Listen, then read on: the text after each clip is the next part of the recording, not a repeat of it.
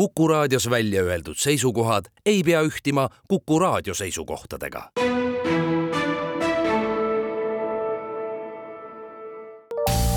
terviseks. saade valmib koostöös Ida-Tallinna Keskhaiglaga. vaata ka itk.ee tere, head Kuku raadio kuulajad, eetris on saade Terviseks ja me räägime täna epilepsiast. mina olen Ingela Virkus ja olen selleks külla palunud Ida-Tallinna Keskhaigla neuroloogi Kristiina Truupõllu, tere! tere päevast! veebruarikuu teisel esmaspäeval tähistatakse Euroopa epilepsiapäeva, mille eesmärk on pöörata tähelepanu epilepsiale kui tõsisele närvisüsteemi haigusele, et mis haigus epilepsia ehk langetõbi teisisõnu siis täpsemalt on? Epilepsia on krooniline haigus, äh, mida siis iseloomustab epilepsiahoogude esinemine ja kõik muu, mis selle haiguse endaga siis kaasas käib. et äh, langetõbi on ka selline vana väljend, mida me enam ei taha väga kasutada, sest see on just selline stigmatiseeriv. et tegelikult seda põdevad inimesed on täiesti tavalised, tublid, terved inimesed, kes siis peavad nii-öelda oma tervise eest äh, hoolt kandma, et, äh, et neid hooge ei tekiks. kui levinud epilepsia Eestis on? Äh, epilepsia sagedus on ligikaudu üks protsent elanikkonnast, aga vanemas grupis siis eakatel on seda veelgi sagedamini. samas ühekordne epilepsiahoog esineb ligikaudu igal kümnendal inimesel nii et tegelikult hood, epilepsiahood on päris sagedased. miks epilepsia tekib? Epilepsia puhul ongi siis äh, soodumus mm, Kehneri süsteemis, et äh, kui mingi ärriti või stress äh, või esilekutsuv mõni muu faktor mõjub, siis aju ise hakkab tekitama ebanormaalseid närviimpulsse, mis siis on põhimõtteliselt nagu elektriline torm peaajus ja vastavalt sellele siis tekivadki äh, epilepsia sümptomid, hoosümptomid. et need võivad olla ainult ühes ajupiirkonnas lokaalselt ja avalduda siis äh, vastava ajupiirkonna funktsiooni nagu häirena äh, või siis elektriline aktiivsus võib levida väga kiiresti üle kogu mõlema suuraju poolkera ja siis juba tekib generaliseerunud hoog kellel selle tekkeks suurem soodumus on, et kas on mingid elustiilist tulenevad riskitegurid, mis epilepsiat võivad soodustada või selline võib olla mingi kõiki ühendav taust, et vot just selle taustaga inimestel võib epilepsiat esineda? Epilepsia tegelikult on selline, ütleme, vihmavarju diagnoos või see on suur nagu haiguste grupp ja seal all on tegelikult väga palju erinevaid äh, alavorme või siis äh, epilepsia vorme ja need on siis äh, vanuseti ja põhjuseti väga erinevad et äh, just nimelt vahel võib olla mingisugune ajustruktuuri muutus seal taga, näiteks äh, ajukasvaja võib avalduda epilepsiahoogudena või siis mõni muu, mis iganes põhjusel tekkinud ajukolla, näiteks traumaatilise ajukahjustuse järgselt. aga siis on teine hulk patsiente, kellel me nagu aju kuvamisuuringutel ei näegi mingit sellist äh, Mm, nähtavat äh, aju struktuurihäiret, aga äh, need närvirakud mingis siis ajupiirkonnas ise, nende funktsioon on häirinud ja nad ise siis genereerivad neid ebanormaalseid laenguid, mis siis tekitavad epilepsiat.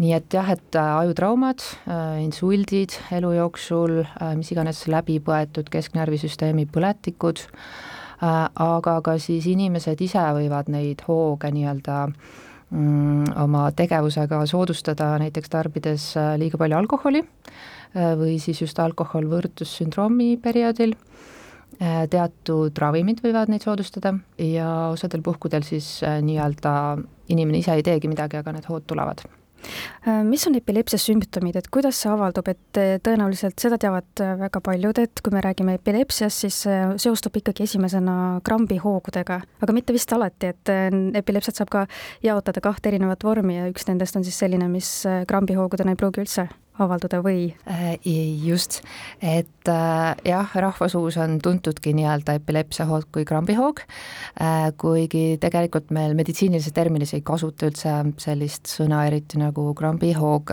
just epilepsiahoogude kohta, väikeste eranditega, et alkohol võrdluskramp ja, ja lastel on näiteks palavikukramp.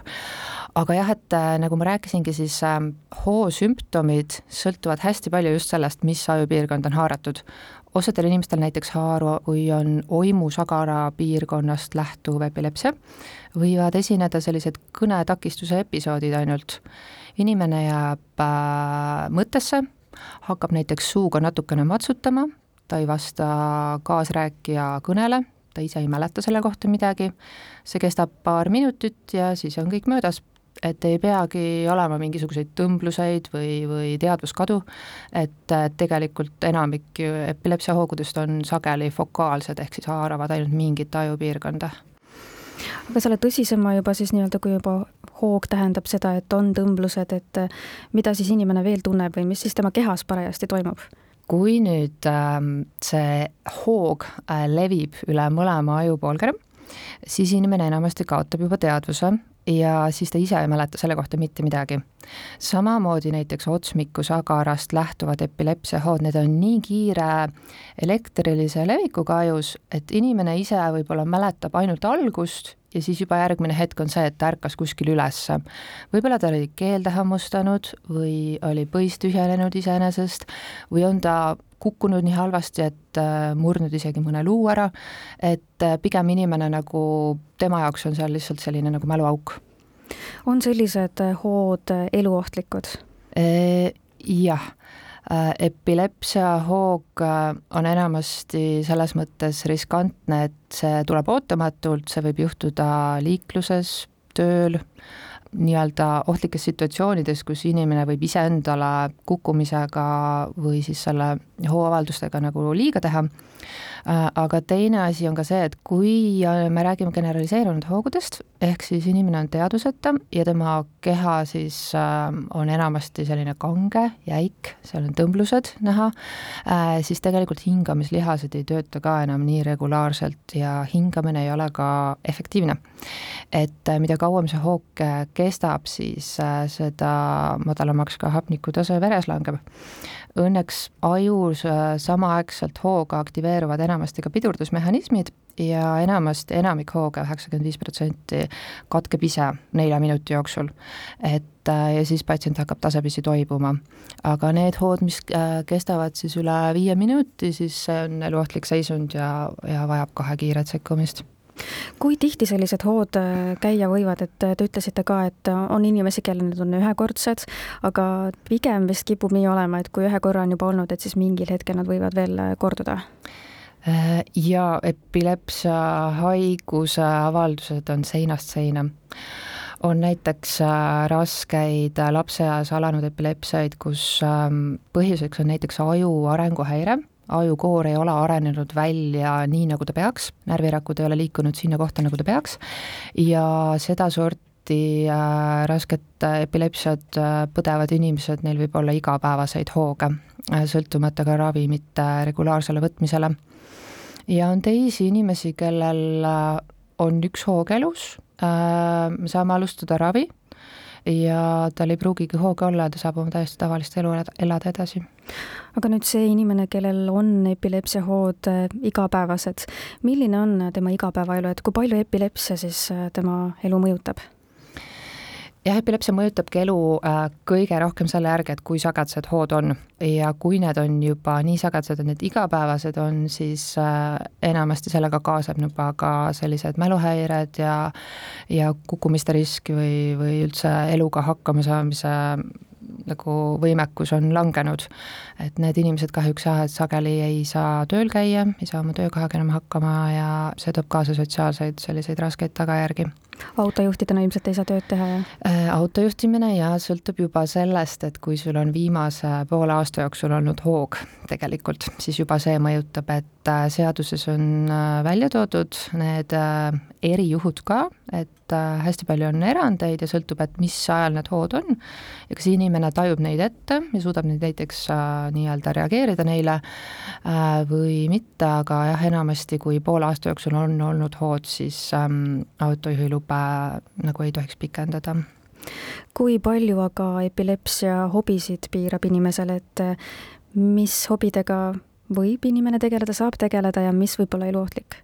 Me ei pane tavaliselt äh, väga nii-öelda äh, suuri piire, aga autojuhtimine eelpool äh, räägitud faktor, et kaugsud autojuhid või trammi, bussijuhid ilmselgelt ei saa nagu hoogudega inimesed neid juhtida, et see võib lõppeda fataalselt ka teistele. Lisaks selliste teravate mehhanismidega, näiteks töökohad, kus ongi risk vigastada ennast või, või kukkuda halvasti kuidagi seal töökohal. Äh, ja sageli tegelikult inimesed ise teevad hästi palju otsuseid ise, et äh, ma tean noori, kes on loobunud äh, tippspordist selle haiguse tõttu, et kui need hood ei ole kontrolli all, siis äh, jah, inimesed ei soovi nagu sageli olla väga palju avalikkuse ees äh, sellistes stressoorsetes tingimustes. see tekitab ikkagi sellist ebakindlust ja, ja stressi kindlasti, et ma lugesin, et väga palju vist on äh, epilepsiaga inimestel depressiooni ja ärevushäireid? jaa, need on äh, kaks äh, psühhiaatriliste haiguste gruppi, mis tegelikult Äh, mille risk on ligi kaks korda suurem vähemalt äh, epilepsiaga patsientidel.